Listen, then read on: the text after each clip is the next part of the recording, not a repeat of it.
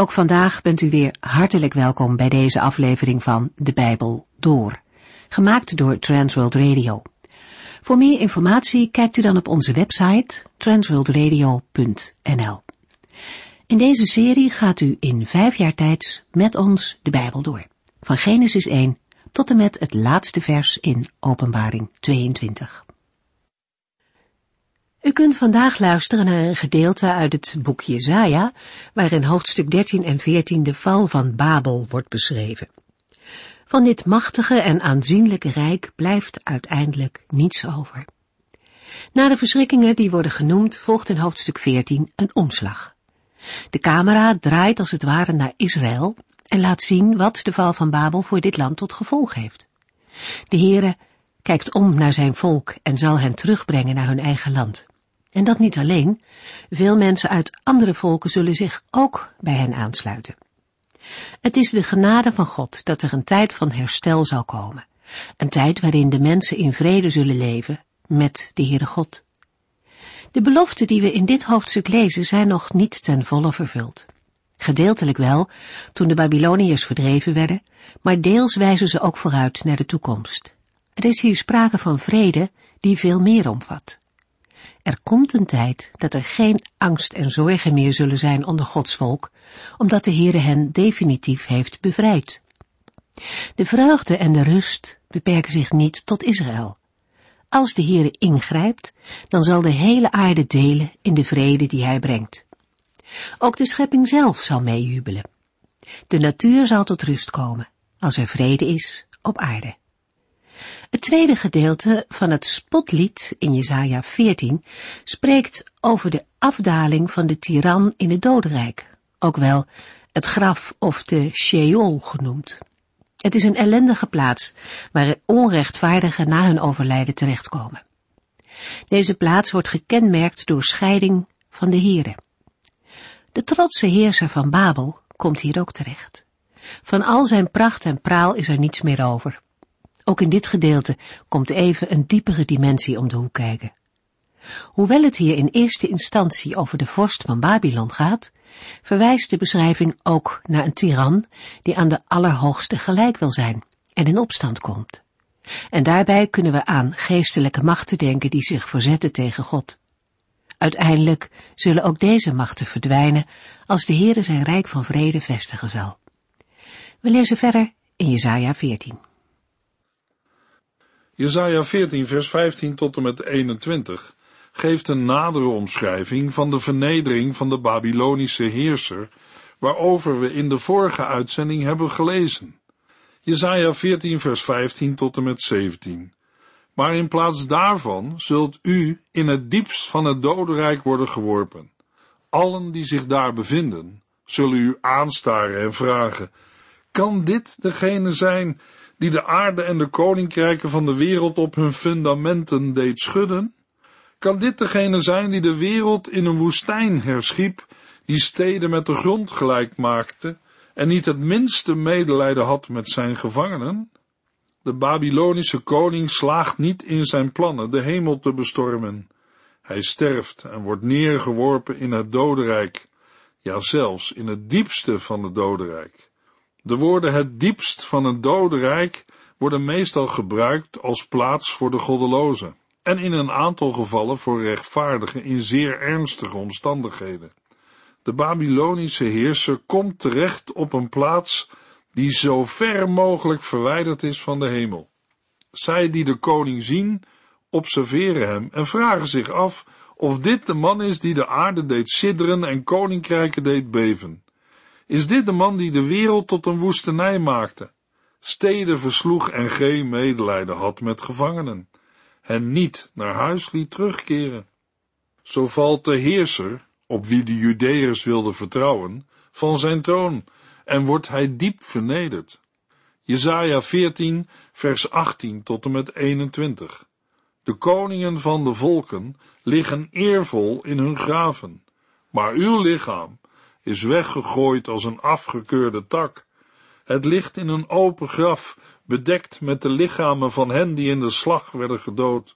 Het ligt als een kadaver op straat, vertrapt en verscheurd door paardenhoeven. Voor u zal geen gedenkteken worden opgericht, want u vernietigde uw eigen land en moorde uw eigen volk uit. Uw zoon zal u niet opvolgen als koning. Dood de kinderen van deze zondaar. Geef hun niet de kans weer op te staan en het land weer te veroveren of de steden van de wereld te herbouwen. In de versen 18 tot en met 20 beschrijft Jezaja de onwaardige begrafenis van de Babylonische koning. Alle koningen van de volken krijgen een eervolle begrafenis in een graftombe, maar dat zal de Babylonische heerser niet overkomen. Hij komt in een situatie waarin niemand hem kan begraven. Het is een schrikbeeld van iedere soldaat om dood op het slagveld te worden achtergelaten en prooi te worden van roofdieren en roofvogels. Het is een ernstige vernedering om zonder begrafenis achtergelaten te worden. De Babylonische heerser zal niet, net als de koningen van andere volken, worden bijgezet in een koninklijke tombe. Hij zal op het slagveld blijven liggen en daarmee niet de eer ontvangen die Oosterse heersers gewoonlijk na hun dood krijgen. Hij heeft zijn land verwoest en zijn volk uitgemoord. Daarom zal niemand meer spreken van zijn nageslacht en er wordt geen gedenkteken voor hem opgericht. De heerser wordt gelijkgesteld met een schurk of misdadiger die is terechtgesteld. Zelfs zijn nageslacht moet worden uitgeroeid vanwege de ongerechtigheid van hun vader. Ze mogen niet meer opstaan om de aarde in bezit te nemen en de aarde te vullen met hun steden.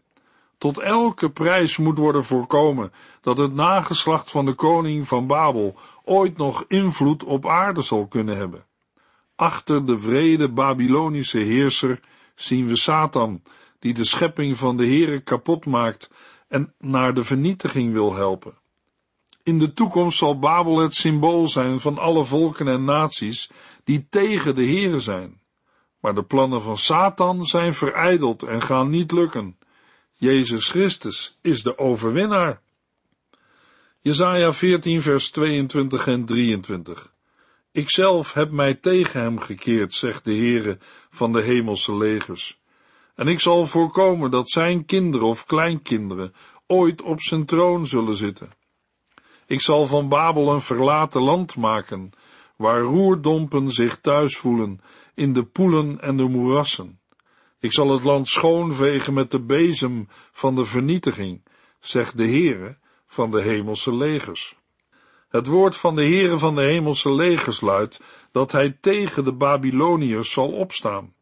Hij zal alles van Babel uitroeien, naam, overblijfsel, nakomelingen en nageslacht. De Heere zal de plaats maken tot bezit van roerdompen en tot moerassige waterpoelen. Sanherib deed dit in 689 voor Christus. Hij maakte van de stad een moerassig gebied. De Heere zal Babel schoonvegen met de bezem van de vernietiging. Met deze woorden komt de oordeelsprofetie tegen Babel ten einde. Jesaja 13 vers 1 tot en met 14 vers 23 over de koning van Babel moeten we plaatsen tegen de achtergrond van de verleiding voor Juda om te vertrouwen op coalities met deze heerser. Een verbintenis met de koning van Babel lijkt een oplossing te zijn tegen de Assyrische onderdrukking. Doordat Jezaja laat zien hoezeer deze koning door de Heere zal worden vernederd, worden de Judeërs aangespoord hun vertrouwen volledig op God te vestigen. Opvallend is in de profetie over Babel de verbinding tussen eschatologische taal over de dag van de Heere en de concrete gebeurtenis van de val van Babel. De val van een aardse koning is nauw verbonden met wat de Heere in de voleinding zal doen. Hij zal afrekenen met alle kwade machten en alles wat zich hoogmoedig tegen hem heeft verzet. Gods daden in de geschiedenis zijn onlosmakelijk verbonden met zijn zegentocht aan het einde van de tijden. Enigszins vergelijkbaar is de relatie tussen de opstanding van Christus en de opstanding van alle doden. Zijn verrijzenis in het verleden vormt de garantie voor de verheerlijking van allen die in Christus zijn gestorven. Jesaja 14 vers 24 tot en met 27. Hij heeft gezworen dat hij dit zal doen, want dit is zijn plan. Ik heb besloten het Assyrische leger te vernietigen, als het zich in Israël bevindt. Ik zal de Assyriërs neerslaan op mijn bergen. Mijn volk zal niet langer hun slavenvolk zijn. Dit is mijn plan voor de hele aarde. Ik zal het uitvoeren met mijn enorme macht die over de hele wereld reikt. De Heere, de God van de hemelse legers, heeft gesproken. Wie kan zijn plannen veranderen? Als hij zijn hand opheft, wie zal hem dan tegenhouden? In het vorige gedeelte is uitgebreid ingegaan op Babel, het rijk waarop Juda in de tijd van Hiskia vertrouwde. Hun verbond met Babel was gericht tegen Assur, de wereldmacht van dat moment. In 734 voor Christus vestigde de Assyrische koning Tiglat-Pileser III zijn heerschappij over Israël door het Egyptische leger terug te dringen naar hun eigen land. In 723 en 720 voor Christus veroverden de Assyriërs het Tienstammenrijk en in 702 voor Christus bedreigden zij Juda en Jeruzalem. De heerschappij over het nabije oosten duurde tot 612 voor Christus. Ondanks de Assyrische overmacht is de Heere machtiger. Vers 24 begint met een eed van de Heere van de hemelse legers. Hij heeft gezworen dat het zal gebeuren zoals hij heeft besloten. Als een mens een eed zweert, is het niet toegestaan hem te veranderen. Hoeveel te meer staat vast wat de Heere heeft gezworen. De Heere zegt toe dat hij Assur in zijn land zal verbreken en hem zal verpletteren op zijn bergen. Wanneer dat gebeurt, zal Israël niet langer hun slavenvolk zijn. We kunnen deze woorden mogelijk het beste plaatsen in de context van de vernietigende campagnes van koning Sanherib tegen Juda in 701 voor Christus. Met de herinnering aan eerdere militaire campagnes in het gebied van het Noordelijke Rijk. Assyrië heeft Gods land grotendeels vertreden en wil het verder vernietigen. Maar de Heere spreekt, in de Hebreeuwse tekst, nadrukkelijk over mijn land en mijn bergen. Vanwege het verbond met de Israëlieten zal hij hen beschermen en hun vijanden verpletteren. In het genoemde jaar leed het leger van Sanherib een enorme nederlaag tijdens de belegering van Jeruzalem. Dat gebeurde zonder hulp van de eerder genoemde Babyloniërs. In het verlengde van de profetie tegen Assur volgen woorden die bestemd zijn voor de hele wereld. Jezaja zegt dat dit het besluit is dat genomen is over heel de aarde en dat Gods enorme macht is uitgestrekt over alle volken, de hele wereld. Gods overwinning over de schijnbaar onoverwinnelijke macht van Assur toont aan dat de Heere uiteindelijk alle aardse machthebbers zal onttronen. Ten slotte stelt de profeet Jezaja twee retorische vragen. Wie kan Gods plannen veranderen en wie kan hem tegenhouden? Het antwoord is duidelijk. Niemand. Voor het tweestammenrijk Juda van de achtste eeuw voor Christus was het belangrijk dat de wereldmacht die hen zo onbarmhartig onderdrukte, uiteindelijk door de Here wordt verpletterd. Juda wordt aangespoord niet te vertrouwen op wat ze zien. Want aardse machthebbers staan onder het oordeel van God. Hij regeert, is almachtig en zal uitkomst geven. Jezaja noemt zaken die historisch dichtbij liggen en die verder in de tijd zullen plaatsvinden. Daarbij zijn de genoemde principes belangrijker dan een chronologische volgorde. In ieder geval zullen trots en hoogmoed worden vernederd. Tegelijk is de Heere barmhartig voor hen die op hem vertrouwen. Wat er ook gebeurt, hij overziet de geschiedenis en zal zijn plannen uitvoeren.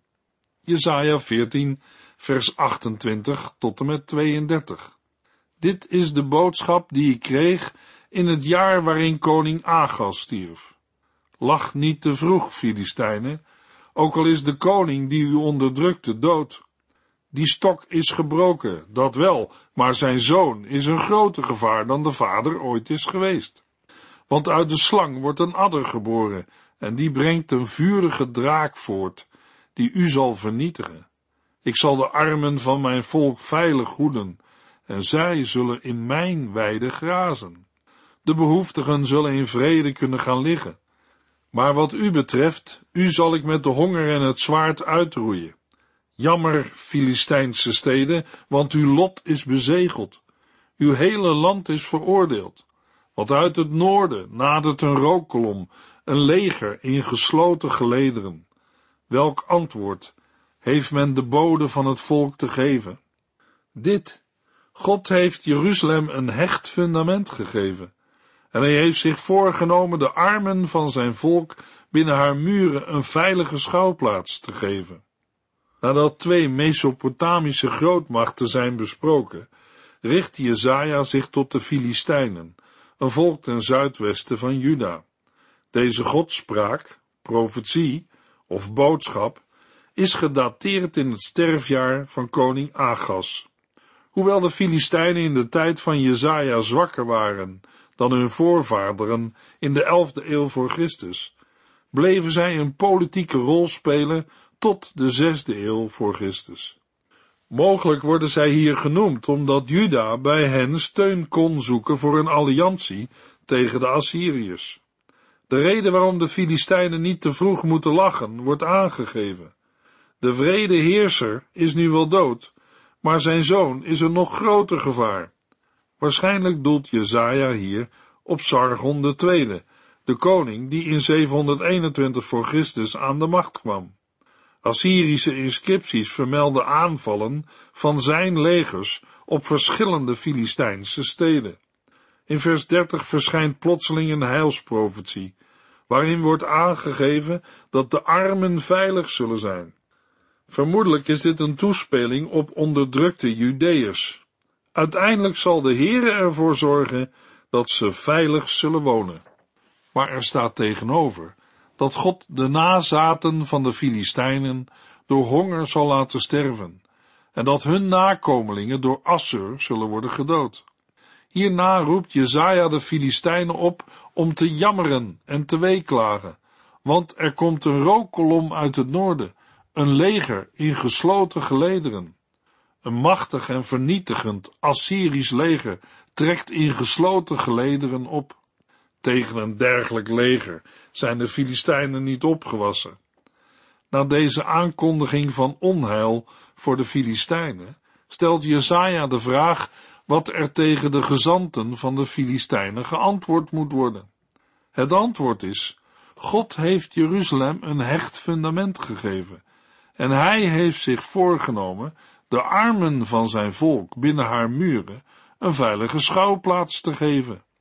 Tegenover de onzekerheid voor de Filistijnen staat de zekerheid dat de Heere in Jeruzalem een koninkrijk heeft gevestigd, dat niet vergaat en aan de armen van zijn volk een veilige schouwplaats geeft. Ook nu is de boodschap dat Juda niet moet vertrouwen op bondgenootschappen met de Filistijnen, omdat ook zij onder Gods oordeel staan. De dood van een eerdere onderdrukker houdt nog niet in dat alle ellende voorbij is. Valse gerustheid is en blijft verkeerd. Wie zich niet voegt naar Gods bedoelingen, zal uiteindelijk worden geconfronteerd met zijn oordeel. Veiligheid is alleen te vinden door te schuilen bij de Heere, de God van Israël. We lezen verder in Jesaja 15. In Jesaja 15 en 16 vinden we de tweede godspraak, profetie of last, van Jesaja over de volken, ditmaal over Moab. Er wordt gesproken over grote verwoesting, maar tegelijkertijd is er meeleven en een oproep tot hulp. Daarin verschillen deze hoofdstukken van Jesaja 13 en 14, waarin de ondergang van Babel, Assur en Filistea worden beschreven. De sfeer is in Jesaja 13 en 14 meer instemmend. Jesaja 15 vers 1 Dit is Gods profetie over Moab. Uw steden, Ar en Keer, zullen in één nacht worden verwoest.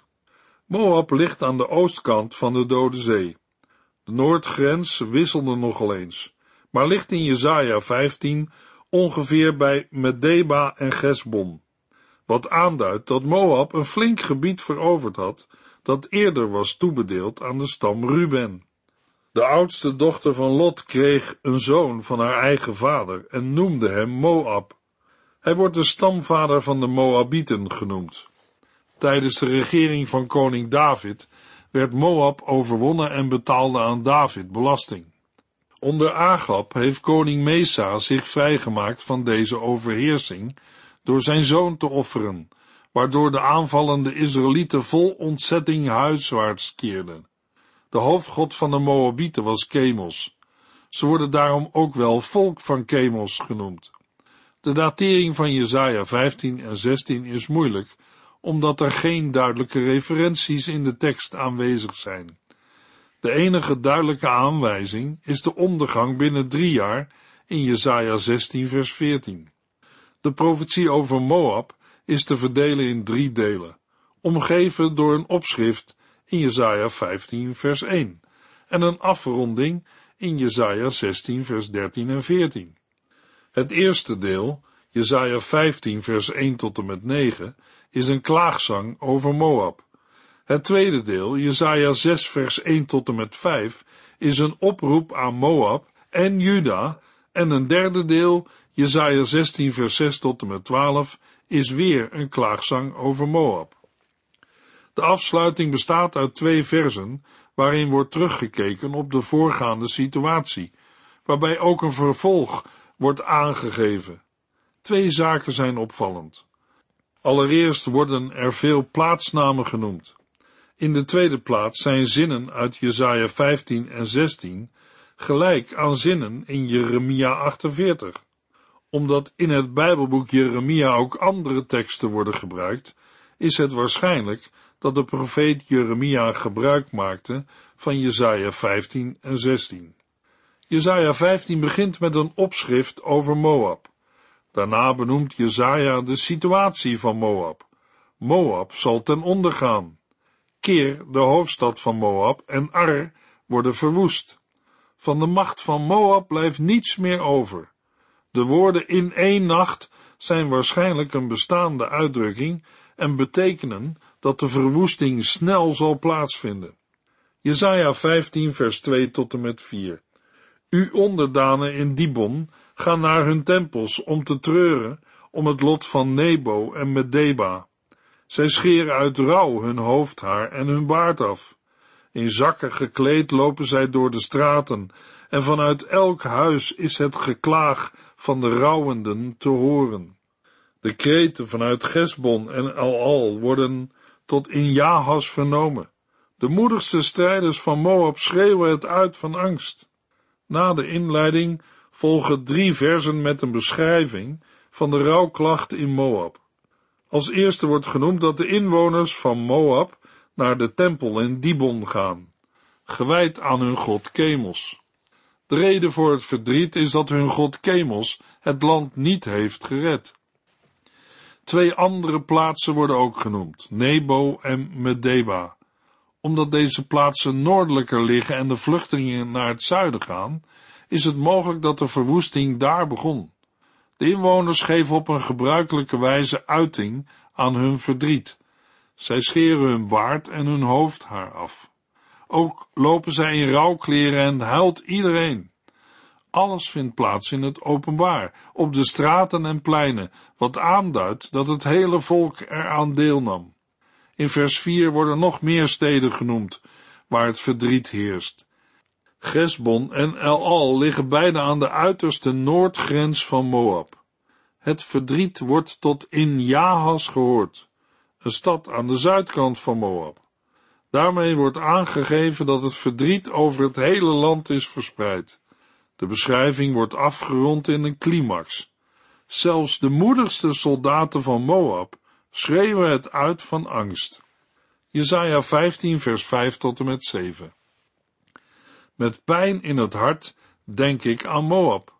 Haar inwoners vluchten naar Soar en Echlat Celicia.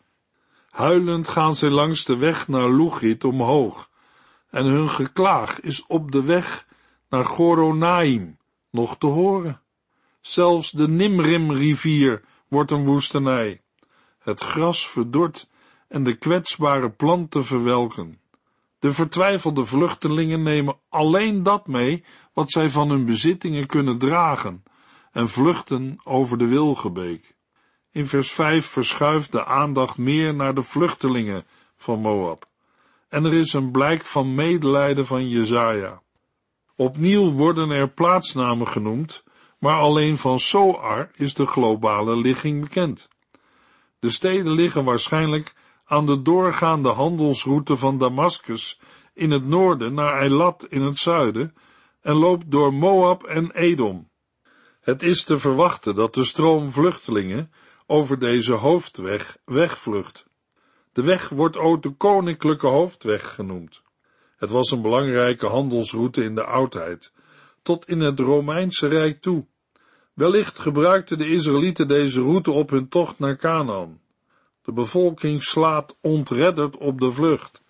En dat is duidelijk zichtbaar voor de mensen rondom hen. Dat het om een grote groep mensen betreft, wordt duidelijk in het vervolg. Daar worden de wateren van Nimrim of de Nimrim-rivier genoemd. Een oase in de buurt van Soar. Maar die oase blijkt niet toereikend om de grote hoeveelheden vluchtelingen en hun vee te onderhouden en wordt een woestenij. De vertwijfelde vluchtelingen verliezen daardoor ook hun vee en met een klein overblijfsel steken ze de Wilgebeek over. Om de totale ellende te beschrijven, wordt in vers 8 gemeld, in het land Moab, van het ene tot het andere eind, wordt gerouwd en geklaagd. De climax van het gedeelte staat in het slot. Het oordeel is niet ten einde, want zij die ontkomen zijn, lezen we in vers 9, zullen met leeuwen te maken krijgen. En er zal veel bloed vloeien. Het oordeel over Moab wordt expliciet aan de Here toegeschreven.